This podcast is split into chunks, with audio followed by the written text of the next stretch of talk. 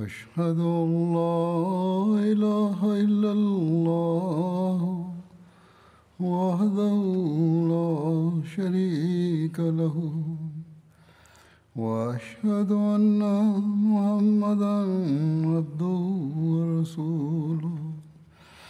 أما بعد فأعوذ بالله من الشيطان الرجيم. بسم الله الرحمن الرحيم. الحمد لله رب العالمين. الرحمن الرحيم. مالك يوم الدين. إياك نعبد وإياك نستعين.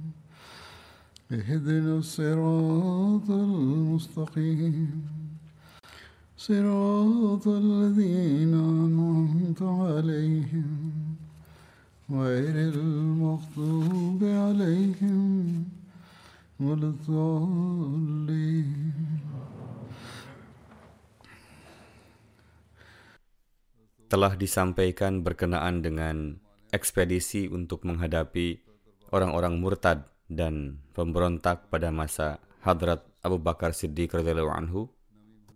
Ekspedisi kesembilan dalam hal ini adalah Bahrain. Dalam hal ini, rincian lebih lanjut disampaikan tentang agresi yang dilakukan oleh Hadrat Ala bin Hadrami dalam menghadapi pasukan Hutam. Tertulis bahwa Hadrat Ala mengirim perintah kepada Hadrat Jarud untuk mengajak suku Abdul Qais dan berkemah di daerah yang berdekatan dengan Hajar untuk menghadapi Hutam. Dan Hadrat Ala datang ke daerah ini dengan pasukannya untuk melawan Hutam. Semua orang musyrik kecuali penduduk Darin berkumpul di dekat Hutam. Demikian pula segenap Muslim berkumpul di sekitar Hadrat Ala bin Al-Hadrami. Mereka berdua menggali parit di depan mereka. Mereka akan melintasi parit mereka setiap hari untuk menyerang musuh dan mundur ke belakang parit setelah pertempuran. Ini adalah keadaan perang selama sebulan. Sementara itu, pada suatu malam, kaum muslim mendengar suara keras dari perkemahan musuh. Hadrat Allah mengatakan, adakah seseorang yang membawa kabar tentang kondisi musuh yang sebenarnya? Hadrat Abdullah bin Hudaf berkata, saya akan pergi untuk tugas ini. Dan beliau kembali dengan mengabarkan bahwa musuh kita tengah mabuk dan kemabukan itulah yang mendatangkan malapetaka bagi mereka. Semua kebisingan ini adalah dari tempat tersebut. Mendengar hal ini, pasukan muslim segera menyerang musuh dan menerobos perkemahannya lalu membunuh mereka tanpa ampun. Musuh berlari ke parit mereka, banyak yang jatuh dan mati, banyak juga yang selamat, banyak yang ketakutan, dan ada juga yang terbunuh atau tertangkap. Pasukan Muslim mengambil alih segala sesuatu di kamp mereka. Yang berhasil kabur hanya bisa membawa serta apa yang ada di tubuhnya. Namun Abjar lolos. Ketakutan dan teror yang melanda Hutam membuatnya seolah-olah tidak ada nyawa di tubuhnya. Dia berlari menuju kudanya, sementara kaum muslim berada di tengah-tengah kaum musyrik. Dalam keputusasaannya itu, Hutam sendiri melarikan diri dari kaum muslim dan mulai menunggangi kudanya. Begitu dia meletakkan kakinya di Sanggurdi, Sanggurdi itu patah, lalu Hadrat Qais bin Asim mengirimnya ke neraka.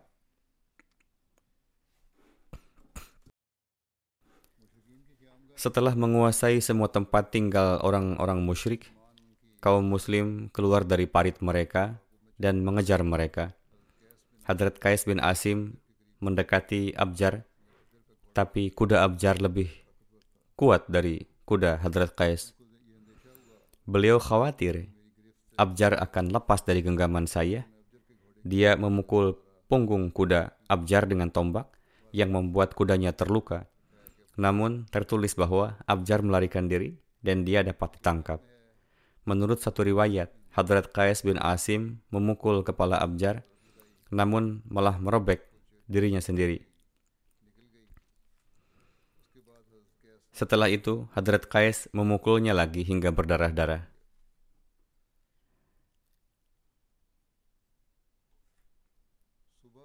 Di pagi hari, Hadrat Allah membagikan harta rampasan perang di antara para mujahidin dan juga memberikan pakaian berharga kepada orang-orang yang telah menunjukkan keberanian khusus dalam perang.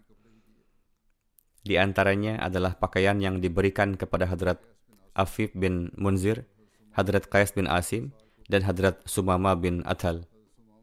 Di antara pakaian yang diberikan kepada Hadrat Sumama adalah jubah hutam berwarna hitam, yang sangat berharga yang selalu dikenakannya dengan penuh rasa bangga. Keberhasilan misi tersebut dilaporkan kepada Hadrat Abu Bakar.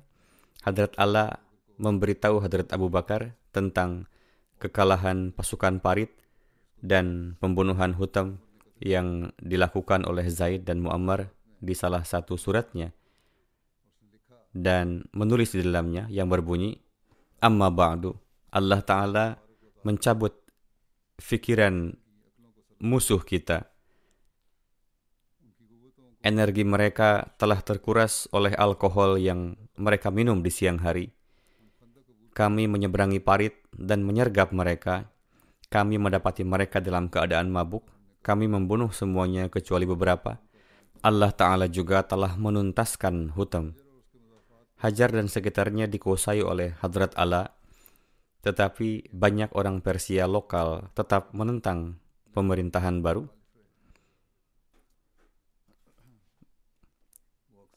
Mereka sering menyebarkan berita dan menimbulkan kepanikan di kalangan orang-orang bahwa pemerintah Madinah akan digulingkan di Hajar.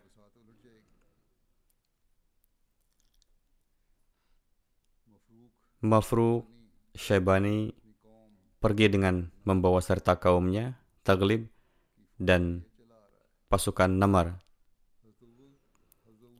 Ketika Hadrat Abu Bakar anhu mengetahui hal ini, beliau menulis surat kepada Hadrat Allah bahwa jika penyelidikan mengungkapkan bahwa Bani Syaban bin Salabah yang pemimpinnya adalah Mafruk akan menyerang Anda, dan jika kelompok radikal menyebarkan berita ini, maka kirimlah pasukan untuk mengatasi mereka, dan lumatlah mereka.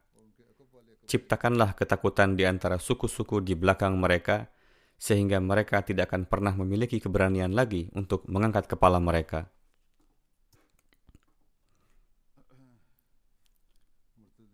Beberapa sejarawan telah menulis bahwa pertempuran Darin terjadi pada masa kekhalifahan Hadrat Abu Bakar. Tetapi beberapa sejarawan lainnya menulis bahwa pertempuran Darin terjadi pada masa kekhalifahan Hadrat Umar Dalau Anhu. Alhasil, orang-orang murtad berkumpul di sana. Darin adalah sebuah pulau di Teluk Persia beberapa mil dari Bahrain. Sudah ada keluarga Kristen yang tinggal di sana. Setelah kalah dalam melawan Hadrat Allah, sebagian besar pemberontak yang kalah pergi ke Darin dengan menggunakan perahu, dan yang lainnya kembali ke daerah suku mereka masing-masing. Hadrat Allah bin Hadrami menulis kepada orang-orang dari suku Bakar bin Wail yang teguh dalam Islam untuk memerangi mereka dan juga memerintahkan Hadrat Utaibah bin Nahas dan Hadrat Amir bin Abdul Aswad untuk tetap tinggal di mana pun Anda berada dan siagakan penjagaan di setiap jalan untuk menghadapi orang-orang murtad. Beliau juga memerintahkan Hadrat Misma sendiri untuk memerangi orang-orang murtad dan memerintahkan Hadrat Khasyafa Taimi dan Hadrat Musanna bin Haritha Syaibani untuk memerangi orang-orang murtad.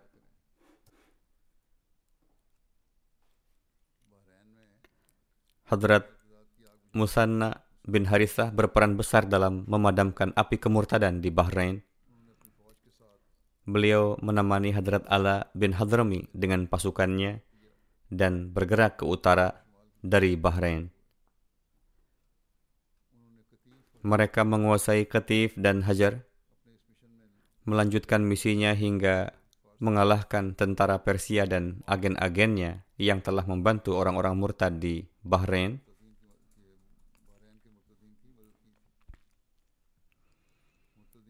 Untuk memerangi orang-orang murtad di daerah-daerah yang tetap teguh pada Islam, mereka bergabung dengan Hadrat Ala bin Hadrami,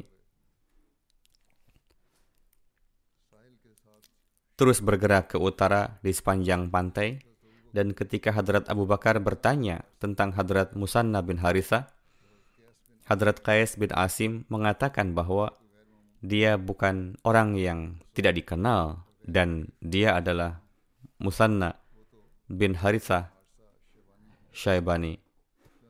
Maka Hadrat Musanna bin Haritha Syaibani berdiri di persimpangan jalan untuk menghentikan orang-orang murtad dan beberapa orang murtad itu bertobat lalu masuk Islam dan diterima dan beberapa menolak untuk bertobat bersikeras untuk tetap murtad mereka dilarang memasuki wilayah mereka untuk itu mereka kembali melalui jalan yang sama dari mana mereka datang hingga tiba di Darin dengan menggunakan perahu. Demikianlah Allah mengumpulkan mereka semua di satu tempat. Ketika Hadrat Allah masih berada dalam pasukan orang-orang musyrik, beliau menerima balasan surat yang ditulis oleh Bakar bin Wail kepadanya dan beliau tahu bahwa mereka akan mematuhi perintah Allah Ta'ala dan akan mendukung agamanya. Ketika Hadrat Allah mendapat berita tentang orang-orang ini, yakni mereka adalah Muslim dan tidak memberontak dan tidak akan berperang, dan menjadi yakin bahwa setelah kepergian mereka tidak akan terjadi sesuatu yang tidak menyenangkan dengan salah satu orang Bahrain di belakangnya. Beliau mengatakan bahwa sekarang segenap Muslim harus bergerak menuju Darin dan menyeru mereka untuk maju ke Darin. Kejadian ini yang selengkapnya akan disampaikan nanti, meskipun tampaknya tidak mungkin, yakni bagaimana mereka menyeberangi laut. Alhasil, jika memang ada kebenaran di dalamnya sampai batas tertentu, mungkin juga telah dilebih-lebihkan. Alhasil, saya akan menjelaskannya di akhir. Dinyatakan bahwa umat Islam tidak memiliki perahu dan lain-lain yang dapat mereka gunakan untuk sampai ke pulau itu. Melihat hal itu, Hadrat Ala bin Hadrami berdiri dan mengumpulkan orang-orang lalu berbicara kepada mereka mengatakan bahwa Allah telah mengumpulkan kelompok setan untuk kalian dan telah mendorong perang ke laut. Dia telah menunjukkan kepadamu tanda-tandanya di darat, agar kamu mengambil pelajaran di laut dari tanda-tanda ini. Bergeraklah menuju musuhmu, seberangilah samudera, dan bergeraklah ke arahnya, karena Allah telah mengumpulkan mereka untukmu. Mereka semua menjawab, Demi Tuhan, kami akan melakukan hal yang sama, dan setelah melihat mukjizat di lembah Dana, kami tidak akan takut pada orang-orang ini selama kami masih hidup. Riwayat ini tertulis dalam Tabari. Mukjizat di mana unta-unta mereka yang melarikan diri telah disebutkan bahwa unta-unta yang melarikan diri itu telah kembali kepada kaum muslim dan mata air pun mengalir. Mereka merujuk pada mukjizat yang telah mereka lihat. Mereka mengatakan, begitupun kami akan melihat mukjizat berjalan di atas air laut. Hadrat Allah dan semua muslim datang ke pantai dari tempat ini. Hadrat Allah dan segenap muslim berjalan dari tempat itu hingga tiba di tepi laut.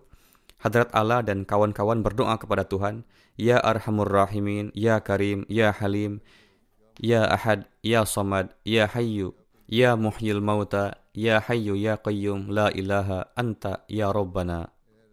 Wahai yang maha penyayang di antara yang penyayang, wahai yang maha pemurah, wahai yang maha penyayang, wahai yang maha esa, wahai yang maha kaya, wahai yang maha hidup, yang menghidupkan yang lainnya, dan wahai yang menghidupkan orang mati, wahai yang menganugerahkan kehidupan, dan dialah yang menghidupkan makhluk-makhluk lain, wahai yang memelihara dan memelihara makhluk-makhluk lain. Tidak ada yang patut disembah selain engkau, Tuhan kami. Namun diriwayatkan bahwa Hadrat Allah meminta semua anggota laskar untuk menjalankan kuda mereka di laut sambil berdoa demikian.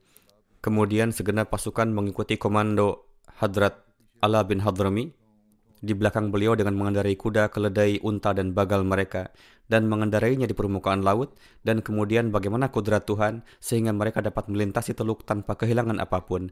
Rasanya tengah berjalan di atas pasir lembut yang ditaburi air, sehingga kaki unta tidak tenggelam, dan tidak ada satupun kaum muslimin yang hilang di laut.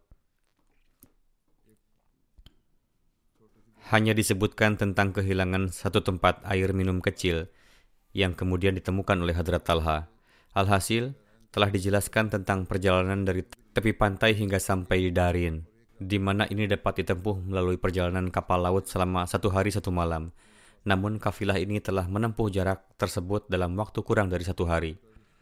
Sebagian hal ini telah dijelaskan seperti tersebut di dalam tarikh Tabari, namun para penulis di masa ini pun menulis penjelasannya sebagai berikut, yakni terkait peristiwa penyeberangan lautan, Mungkin saat itu tengah terjadi peristiwa pasang di Teluk Persia, atau mungkin riwayat-riwayat tersebut telah dilebih-lebihkan dan pada hakikatnya saat itu kaum muslim mendapatkan perahu-perahu dari penduduk setempat yang kemudian mereka pergunakan untuk menyeberangi laut.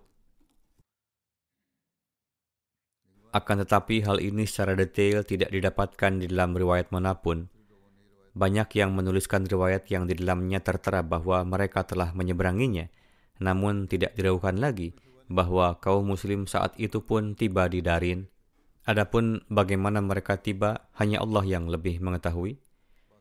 Selanjutnya tentang mukjizat-mukjizat Hadrat Muslim Ma'ud anhu di dalam tafsirnya, beliau telah memberi satu tuntunan yang mendasar Hadrat Muslimau dalam menafsirkan kejadian terbelahnya lautan pada peristiwa hijrahnya Hadrat Musa alaihissalam, beliau menjelaskan bahwa ini merupakan peristiwa yang tertera di dalam Al-Quran Syarif. Beliau bersabda, menurut penjelasan Al-Quran Karim, peristiwa yang terjadi adalah sebagai berikut – pada saat itu Bani Israel tengah pergi untuk menuju tanah suci, tetapi laskar Fir'aun telah tiba di belakang mereka. Melihatnya, kaum Bani Israel pun menjadi gelisah. Mereka berpikir bahwa inilah waktunya mereka akan tertangkap. Namun Allah Ta'ala menurunkan ketenangan kepada mereka melalui hadrat Musa dan berfirman kepada hadrat Musa, Pukulkanlah tongkat engkau ke laut dan hasilnya adalah muncullah satu jalan di lautan yang darinya mereka bergerak maju. Di kedua sisi mereka terdapat air laksana gumuk padang pasir, yakni tampak tinggi pada mereka. Laskar Fir'aun mengejar mereka, tetapi air kembali semula saat Bani Israel tiba dengan selamat, sementara pasukan Mesir tenggelam. Beliau menulis, untuk memahami peristiwa ini, hendaknya diingat bahwa menurut ajaran Al-Quran Karim, Seluruh mukjizat adalah berasal dari Allah Ta'ala dan di dalamnya tidak ada peran serta campur tangan manusia. Jadi peristiwa Hadrat Musa mengangkat tongkat dan memukulkannya di lautan hanyalah sebagai satu tanda dan ini bukanlah berarti bahwa tongkat Hadrat Musa memiliki peran dalam terbelahnya lautan itu. Demikian pula, hal ini pun hendaknya diingat bahwa dari lafaz Al-Quran Karim sama sekali tidak terbukti bahwa saat itu lautan menjadi terbelah dua Lalu Hadrat Musa keluar dari antara keduanya. Akan tetapi, berkenaan dengan peristiwa ini telah digunakan dua lafaz berbeda. di dalam Al-Quran Karim, yaitu faroko dan infaroko, yang maknanya adalah terpisah. Jadi, menurut lafaz di dalam Al-Quran Karim, peristiwa yang terjadi sebenarnya secara rinci adalah bahwa pada waktu Bani Israel akan melewatinya, saat itu lautan telah terpisah, yakni air lautan menjadi surut sehingga tampaklah daratan. Dengan perantaraan inilah kaum Bani Israel melewatinya, dan hal inilah yang kerap terjadi di daerah pesisir pantai. Maka dari itu, di sejarah kehidupan Napoleon tertera bahwa tatkala ia menyerang Mesir, maka saat itu ia pun bersama sebagian pasukannya tengah melalui pesisir Laut Merah di waktu surut. Dan saat mereka tengah melewatinya, tibalah waktu air laut pasang sehingga dengan susah payah mereka menghindarinya. Mukjizat di dalam peristiwa ini, yakni peristiwa Hadrat Musa alaihissalam adalah bahwa Allah Ta'ala telah menjadikan kaum Bani Israel tiba di pesisir lautan pada saat surutnya permukaan air laut. Lalu saat Hadrat Musa mengangkat tangannya, saat itulah atas perintah Allah Ta'ala air laut pun mulai menyusut, tetapi tatkala laskar Fir'aun memasuki lautan, saat itu timbul hambatan-hambatan yang tidak biasa di jalan yang mereka lalui, sehingga pasukan mereka hanya dapat mengejar Bani Israel dengan kecepatan yang sangat rendah. Dan mereka masih ada di lautan tatkala pasang air laut tiba dan musuh pun tenggelam. Pasang surut air laut adalah peristiwa yang biasa terjadi, yaitu dalam satu waktu saja air laut dapat menjauh dari pesisir pantai, dan di waktu yang lain ia kembali mengisi daratan. Peristiwa terbelahnya lautan memiliki kaitan dengan keadaan pasang surut air laut ini. Hadrat Musa alaihissalam melewati lautan di waktu surut, di mana permukaan air laut saat itu telah turun. Setelah itu Fir'aun pun tiba karena mereka bergerak sekurang-kurangnya pada waktu satu hari setelah Hadrat Musa dalam keadaan kepayahan. Pada saat mereka baru tiba di lautan, saat itu Hadrat Musa telah melewati sebagian besar bagian kering lautan itu. Fir'aun yang telah melihat mereka melewatinya dengan segera menggerakkan kereta kudanya. Akan tetapi, pasir lautan telah menjadi sedemikian basah sehingga menyulitkan pergerakan kereta kudanya, sehingga ia pun terjebak di dalamnya dan memakan waktu lama sehingga pasang air laut pun tiba dan air mulai meninggi. Kini kedua pilihan menjadi sulit baginya. Ia tidak sanggup untuk maju maupun mundur. Pada akhirnya, air laut pun telah berada di tengah-tengah mereka dan ia pun tenggelam di lautan bersama banyak sekali teman-temannya. Karena saat itu adalah waktu air laut pasang dan air laut bergerak maju ke pesisir pantai, maka air itu pun membawa jasad-jasad mereka hingga daratan.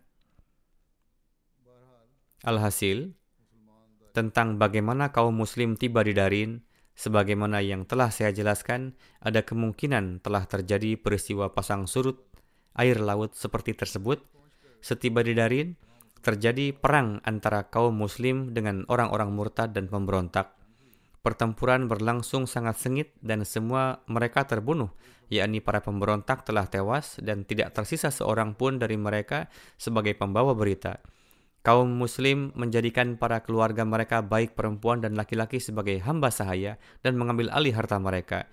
Setiap prajurit berkuda dan infanteri menerima 6.000 dan 2.000 dirham sebagai harta ghanimah waktu satu hari penuh telah dipergunakan kaum muslim semenjak dari pesisir pantai hingga sampai di sana lalu berperang melawan mereka. Setelah usai dari perang, kaum muslim pun kembali pulang. Terkait peristiwa kesyahidan Hadrat Sumamah bin Usal, tertera bahwa Hadrat Ala bin Hadrami menggerakkan segenap pasukan muslim untuk pulang kecuali beberapa orang yang memilih yang memilih untuk tinggal di sana. Hadrat Sumamah bin Usal pun termasuk di antara mereka yang pulang. Abdullah bin Hafs menuturkan, saat itu kami tengah bermukim di satu mata air milik Banu Qais bin Salabah. Pandangan orang-orang lalu tertuju pada Hadrat Sumamah dan mereka melihat beliau mengenakan jubah milik Hutam. Ini adalah jubah Hutam yang diambil setelah kematiannya sebagai harta ghanimah lalu diberikan kepada Hadrat Sumamah. Mereka yakni orang-orang kabilah tersebut mengirim seseorang untuk bertanya kepada Hadrat Sumamah perihal dari manakah beliau mendapatkan jubah ini dan pertanyaan tentang Hutam, yaitu apakah beliau yang telah membunuhnya? Hutam adalah pemimpin mereka. Orang itu lalu datang dan bertanya kepada Hadrat Sumamah tentang jubah tersebut. Beliau menjawab, ini saya dapatkan sebagai harta ghanimah. Orang itu berkata, kamu telah membunuh Hutam. Hadrat Sumamah menjawab, tidak. Meski saya memang memiliki keinginan untuk membunuhnya. Orang itu berkata, dari manakah jubah ini datang padamu? Hadrat Sumamah berkata, saya telah menjawabnya kepadamu bahwa ini saya dapatkan sebagai harta ghanimah. Maka orang-orang kabilah itu kembali dan menceritakan semua percakapan tersebut kepada teman-temannya. Mereka semua lalu mendatangi Hadrat Sumamah dan mengepung beliau. Mereka berkata bahwa beliau adalah pembunuh hutam. Hadrat Sumamah berkata, kalian salah. Saya bukanlah yang membunuhnya. Adapun jubah ini adalah bagian yang saya terima dari harta ghanimah. Mereka berkata, bagian itu hanya bisa didapatkan oleh pembunuhnya. Hadrat Sumama berkata, saat itu jubah ini tidak ada di tubuhnya, tetapi ada di tunggangan dan barang miliknya. Orang-orang itu berkata, kamu berdusta, lalu mensyahidkan beliau.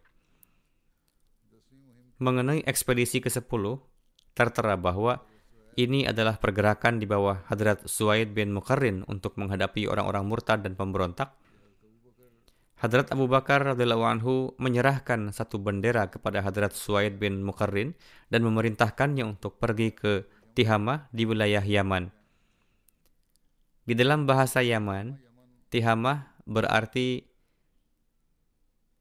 sangat panas atau udara yang tidak berhembus di dalam kamus pun salah satu maknanya adalah dataran rendah. Di arah barat dan selatan Yaman, yaitu di pesisir Laut Merah, terdapat suatu daerah yang meliputi dataran rendah di daerah tersebut. Meski demikian, terdapat juga gugusan pegunungan di sana.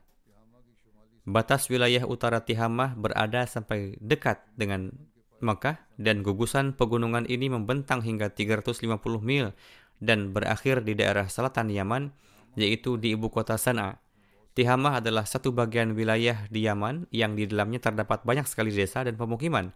Ini adalah sekilas tentang Tihamah. Mengenai Hadrat Suwaid bin Mukarrin, ayah Hadrat Suwaid bernama Mukarrin bin Aiz. Ia berasal dari kabilah Buzainah. Sebutan beliau adalah Abu Adi Abu Amr pun merupakan salah satu sebutan beliau. Beliau memeluk Islam pada tahun 5 Hijriah. Beliau ikut serta bersama Rasulullah di Perang Khandak. Setelah itu beliau senantiasa ikut bersama Rasulullah pada seluruh pertempuran. Beliau adalah saudara dari Hadrat Numan bin Mukarrin yang telah mempersembahkan jasa yang luar biasa pada berbagai kemenangan di penaklukan Persia. Di dalam buku-buku sejarah, tidak tertera rincian mengenai kepergia, kepergian Hadrat Suwaid ke Tihama dan upaya yang beliau lakukan di sana dalam menghadapi kaum murtad. Meski demikian, di dalam buku-buku sejarah dijelaskan tentang bagaimana kemurtadan dan pemberontakan ahli Tihamah, yaitu pada tahun 10 Hijriah setelah Hujatul Wida, Nabi Karim Shallallahu Alaihi Wasallam mengangkat para pengumpul zakat di Yaman. Saat itu Rasulullah membagi Yaman menjadi tujuh bagian. Untuk Tihamah, beliau Sallallahu Alaihi Wasallam mengangkat Tahir bin Abu Halah sebagai amil. Di Tahama, di Tihama, selain golongan Arab awam, saat itu terdapat juga dua kabilah utama. Pertama kabilah Ak, lalu kabilah Asher. Di dalam tarikh Tabari tertera, Pertama-tama Hadrat Atab bin Asid dan Hadrat Utsman bin Abul As menulis kepada Hadrat Abu Bakar bahwa orang-orang murtad di wilayah mereka telah menyerang kaum muslim. Orang-orang tersebut tidak hanya telah murtad, tetapi sebagaimana telah saya jelaskan, orang-orang itu pun telah kerap menyerang kaum muslim. Dan seperti itulah keadaan di sini. Maka dari itu Hadrat Atab mengirim saudaranya yaitu Hadrat Khalid bin Asid untuk menanggulangi ahli Tihamah. Satu golongan besar Banu Mudlij dan berbagai kelompok dari Banu Khuza'ah dan Kinanah, keluarga besar Banu Mudlij dan Banu Shunub, mereka semua telah murtad dan bersatu di bawah pimpinan Jundub bin Salma. Kemudian terjadi pertempuran antara kedua pasukan dan Hadrat Khalid bin Asid mampu mengalahkan dan mencerai beraikan mereka serta banyak musuh yang telah terbunuh yang paling banyak terbunuh adalah orang-orang dari Banu Shunub. Setelah peristiwa ini, jumlah mereka pun menjadi sangat sedikit. Peristiwa ini telah menjadikan wilayah Hadrat Atab ini bersih dan suci dari fitnah kemurtadan dan Jundub pun melarikan diri. Beberapa masa kemudian ia kembali menerima Islam. Di dalam satu riwayat tertera bahwa setelah kewafatan Nabi Karim Sallallahu Alaihi Wasallam, kabilah Ak dan Asyarlah yang paling banyak melakukan pemberontakan di wilayah Tihamah. Selengkapnya adalah tatkala berita kewafatan Rasulullah sampai pada mereka, maka berkumpullah beberapa orang di antara mereka dan beberapa orang kabilah Khazam pun bergabung dengan mereka. Mereka berkemah di pesisir pantai di tempat bernama Alab. Mereka bertemu satu pasukan yang saat itu tidak memiliki pemimpin. Alab adalah daerah kabilah Ak yang terletak di antara pesisir dan Makkah. Hadrat Tahir bin Abu Hala memberitakan hal ini kepada Hadrat Abu Bakar dan ia sendiri pergi bergerak untuk mengatasi mereka. Ia pun menuliskan kepada Hadrat Abu Bakar perihal keberangkatannya. Bersama Hadrat Tahir terdapat Masruk, Aki, dan di dalam kabilah Ak terdapat beberapa orang yang tidak murtad, hingga mereka pun bertemu dengan pasukan musuh di Alab. Setelah terjadi pertempuran sengit dengan mereka di sana, Allah Ta'ala lantas memberi kekalahan kepada segenap musuh. Pasukan muslim telah banyak sekali menghabisi mereka hingga bau mereka yang terbunuh pun tersebar di sepanjang jalan dan kaum muslim pun meraih kemenangan yang luar biasa.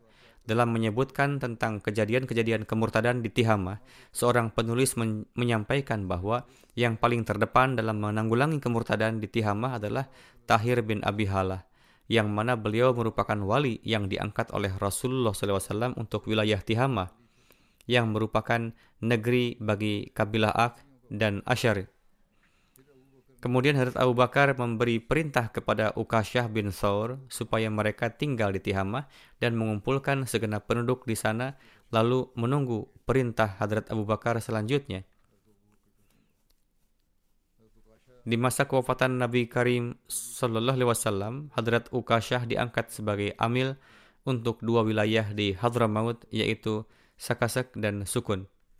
Sementara itu untuk kabilah Bajila, Hadrat Abu Bakar mengirim Jalil bin Abdullah Bajali agar kembali ke sana dan memerintahkan kepadanya untuk membawa kaum muslim sukunya yang tetap teguh dalam keimanan supaya bersama-sama memerangi mereka yang telah murtad dari Islam. Lalu ia diperintahkan untuk pergi ke kabilah Khasam dan memerangi orang-orang murtad di sana. Hadrat Jazir pun bergerak menuju ekspedisi yang diamanatkan kepadanya dan ia pun menjalankan apa yang telah diperintahkan oleh Hadrat Abu Bakar radhiyallahu anhu. Hanya segelintir orang yang keluar untuk menghadapi beliau. Beliau lalu bertempur melawan mereka dan mencerai-beraikan mereka. Ini adalah tentang ekspedisi-ekspedisi muslim dan insya Allah ekspedisi ke-11 akan disampaikan kemudian. Sekarang saya akan menyampaikan riwayat beberapa almarhum. Di antaranya adalah dua pemuda kita yang berasal dari Burkina Faso. Pada sore hari tanggal 11 Juni, para teroris melakukan serangan di sebuah kampung di daerah Dori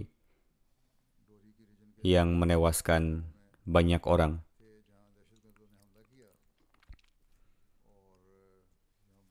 Dua khadim kita yang sedang bekerja di toko mereka juga syahid dalam peristiwa tersebut. Terjadi penembakan dan mereka syahid di tempat. Inna lillahi wa inna ilaihi raji'un. Salah satu di antaranya bernama Diko Zakaria. Beliau berusia 32 tahun. Beliau mendapatkan taufik berkhidmat sebagai kaid wilayah Khuddamul Ahmadiyah di Dori Beliau juga pergi ke Madrasatul Madrasatul Hifz Ghana untuk menghafal Al-Quran. Setelah menyelesaikan hafalannya, beliau pulang kembali.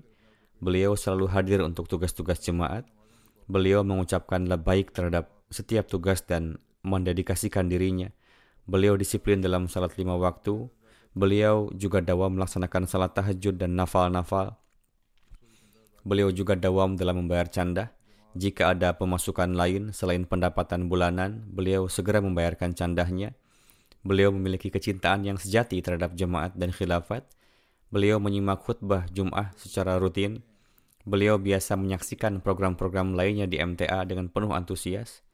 Mubalik lokal di sana menulis bahwa pada pertemuan terakhirnya dengan beliau, almarhum mengungkapkan keinginan yang kuat untuk dapat berjumpa dengan khalifah Pak Mu'alim menulis bahwa beliau adalah sosok khadim teladan. Beliau meninggalkan seorang istri, dua putri dan satu putra. Syahid yang kedua adalah Diko Musa Sahib.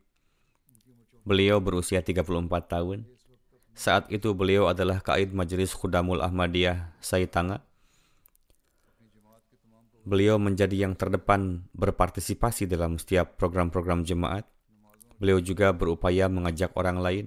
Beliau dawam dalam salat dan canda.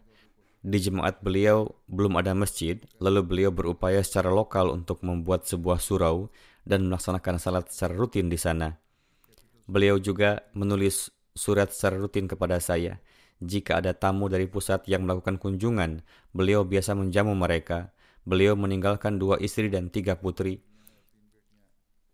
Semoga Allah Ta'ala menganugerahkan magfirah dan rahmatnya kepada beliau dan meninggikan derajat beliau. Amir jemaat di sana menulis berkenaan dengan kedua syuhada. Beliau mengatakan, kedua khudam ini adalah saudara dari mubalik lokal kita, Diko Ahmad Burima Sahib, yang saat ini menjadi in charge Radio Ahmadiyah Dori Ahmadiyah masuk ke dalam keluarga mereka melalui ayahanda mereka, Ibrahim Bunti Sahib. Beliau adalah seorang da'i ilallah yang sangat mukhlis dan penuh semangat. Beliau juga pernah menjabat sebagai Zaim Ansarullah wilayah Dori. Beliau telah wafat pada tahun 2011. Kemudian Bapak Amir juga menulis permohonan doa bahwa sejak tahun 2015 Burkina Faso telah menjadi loka, lokasi serangan teroris dan ada banyak kehancuran terjadi di bagian utara negara tersebut. Lebih dari 2 juta orang yang telah mengungsi. Semoga Allah Ta'ala menciptakan kondisi perdamaian bagi mereka. Kondisi ekonomi dan politik dunia yang terjadi sekarang meningkatkan peluang terorisme. Semoga Allah Ta'ala merahmati umat manusia dan memberi mereka kebijaksanaan. Jenazah kedua adalah Muhammad Yusuf Baloch Sahib, Ibn Nur Khan Sahib, Basti Sadikpur dari Umarpur, Distrik Sindh. Beliau juga wafat beberapa hari yang lalu. Inna lillahi wa inna ilaihi raji'un. Pada awalnya, beliau adalah penduduk Baluchistan berasal dari daerah Ghazi Khan.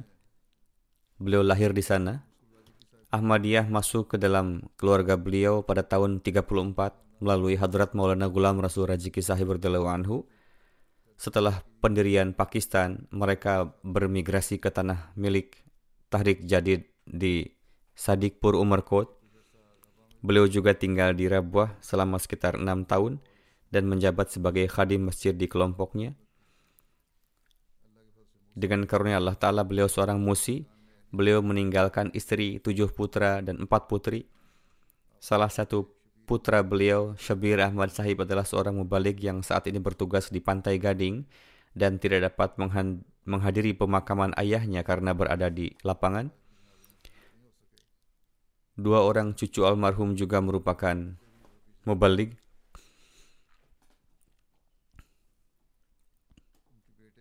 Putra beliau, Syabir Sahib menulis, Beliau memiliki banyak keutamaan.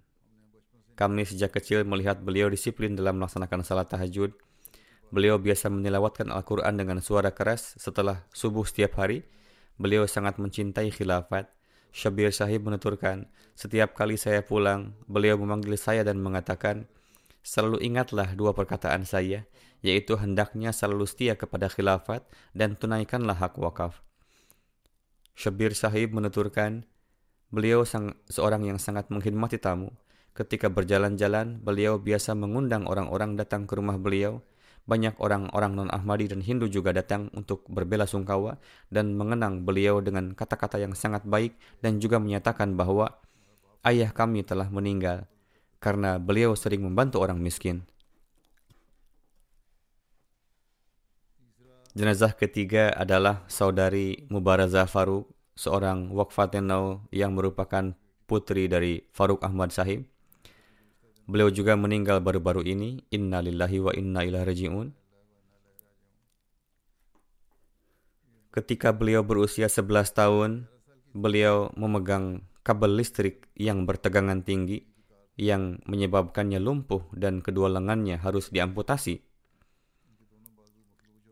Tetapi bahkan dalam kondisi seperti itu pun, beliau tidak patah semangat beliau tetap melanjutkan pendidikannya.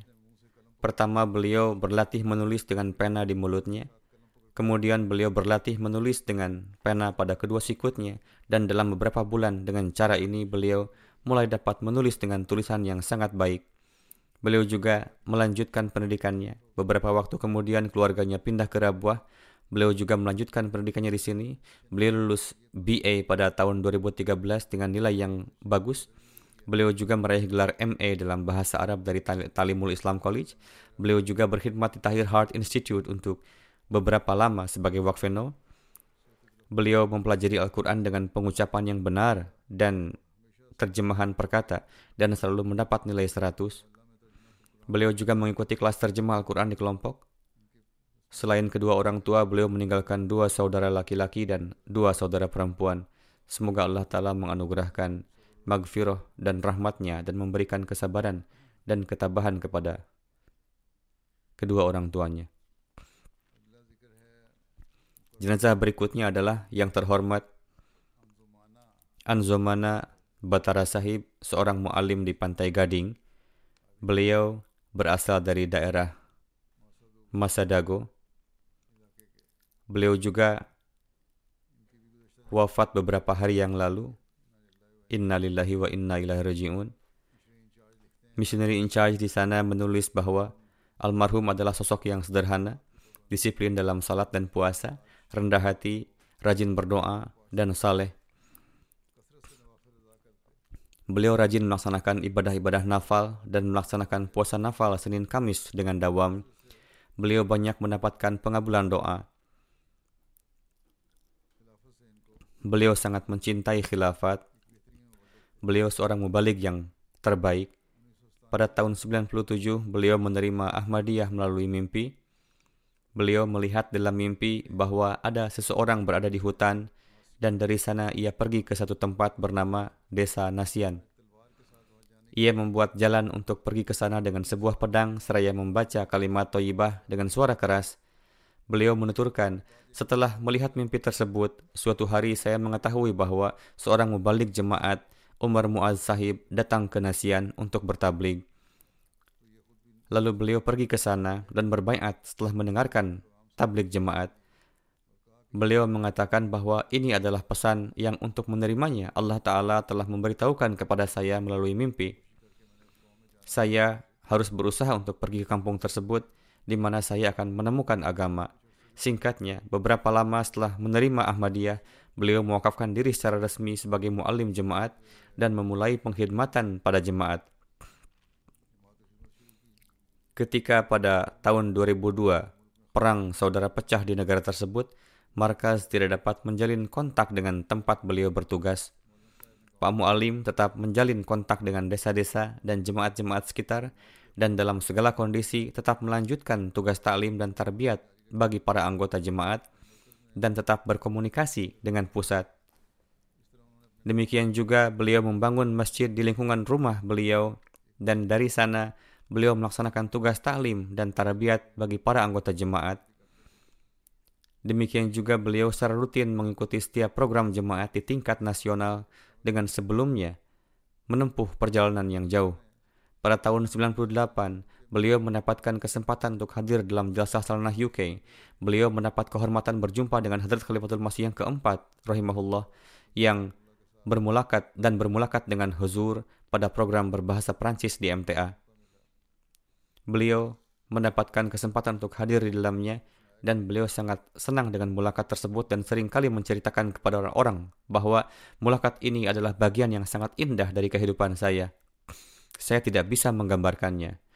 Ketika saya melakukan kunjungan ke Burkina Faso pada tahun 2004, beliau bertemu dengan saya dan mengatakan saya bisa bertemu dengan huzur dalam hidup ini karena saya mendapatkan satu kehidupan baru. Dan dikarenakan kunjungan huzur ini, Allah Ta'ala telah menurunkan karunia-Nya kepada saya, dan saya mendapatkan keberkatan ini. Beliau menceritakan, dua bulan lalu saya sakit parah, hingga para anggota keluarga beranggapan bahwa mungkin ini adalah saat terakhir saya. Beliau menuturkan bahwa beliau melihat dalam mimpi saya, yakni huzur, mengusap kepala beliau beliau mengatakan dalam mimpi itu juga saya merasakan bahwa seluruh penyakit telah meninggalkan tubuh saya. Ketika saya bangun, penyakit benar-benar telah meninggalkan tubuh saya dan saya telah sehat.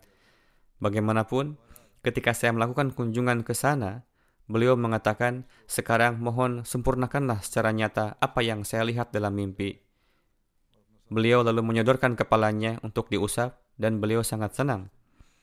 Beliau memiliki jalinan kesetiaan yang sempurna dengan khilafat dan menyampaikan kepada orang-orang bahwa kehidupan yang saya dapatkan ini adalah berkat saya mengkhidmati agama dan sekarang saya akan melewati hidup saya dalam tugas ini. Dan beliau telah menunaikan janjinya tersebut. Beliau mencapai usia 94 tahun dan hingga akhir hayatnya beliau masih aktif dan sehat. Meskipun sudah berusia lanjut, beliau sering mengunjungi jemaat-jemaat terdekat. Beliau juga bertemu saya untuk kedua kalinya pada tahun 2008. Ketika saya pergi ke Ghana, beliau datang ke sana dan hadir dalam jasa Jubli di Ghana.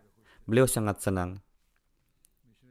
Mubalik Bandoko Syahid Sahib menuturkan bahwa beliau memiliki jalinan kecintaan yang kuat dengan para mubalik Pakistani Beliau menunjukkan kerendahan hati ketika bertemu dengan mereka. Beliau bersikap sangat hormat dan selalu menjadi yang terdepan dalam pengorbanan harta. Beliau membayar janda secara dawam.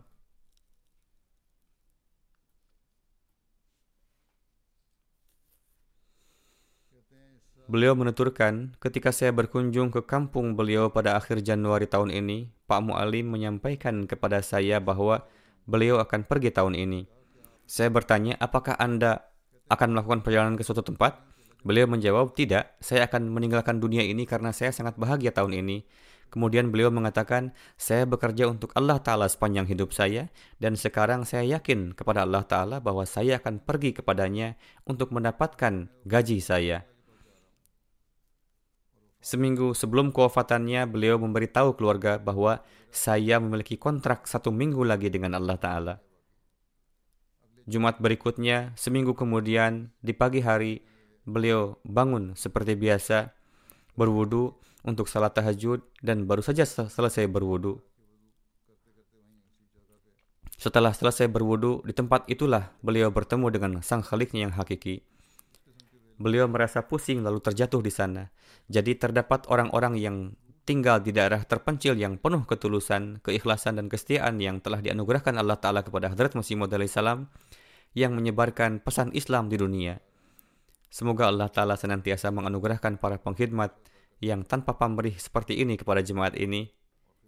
Beliau meninggalkan lima putra dan enam putri. Dengan karunia Allah Ta'ala semuanya teguh di dalam jemaat Semoga Allah telah menganugerahkan kepada mereka ketabahan dan mereka menjadi orang-orang yang mengikuti jejak langkah ayah mereka. Setelah selesai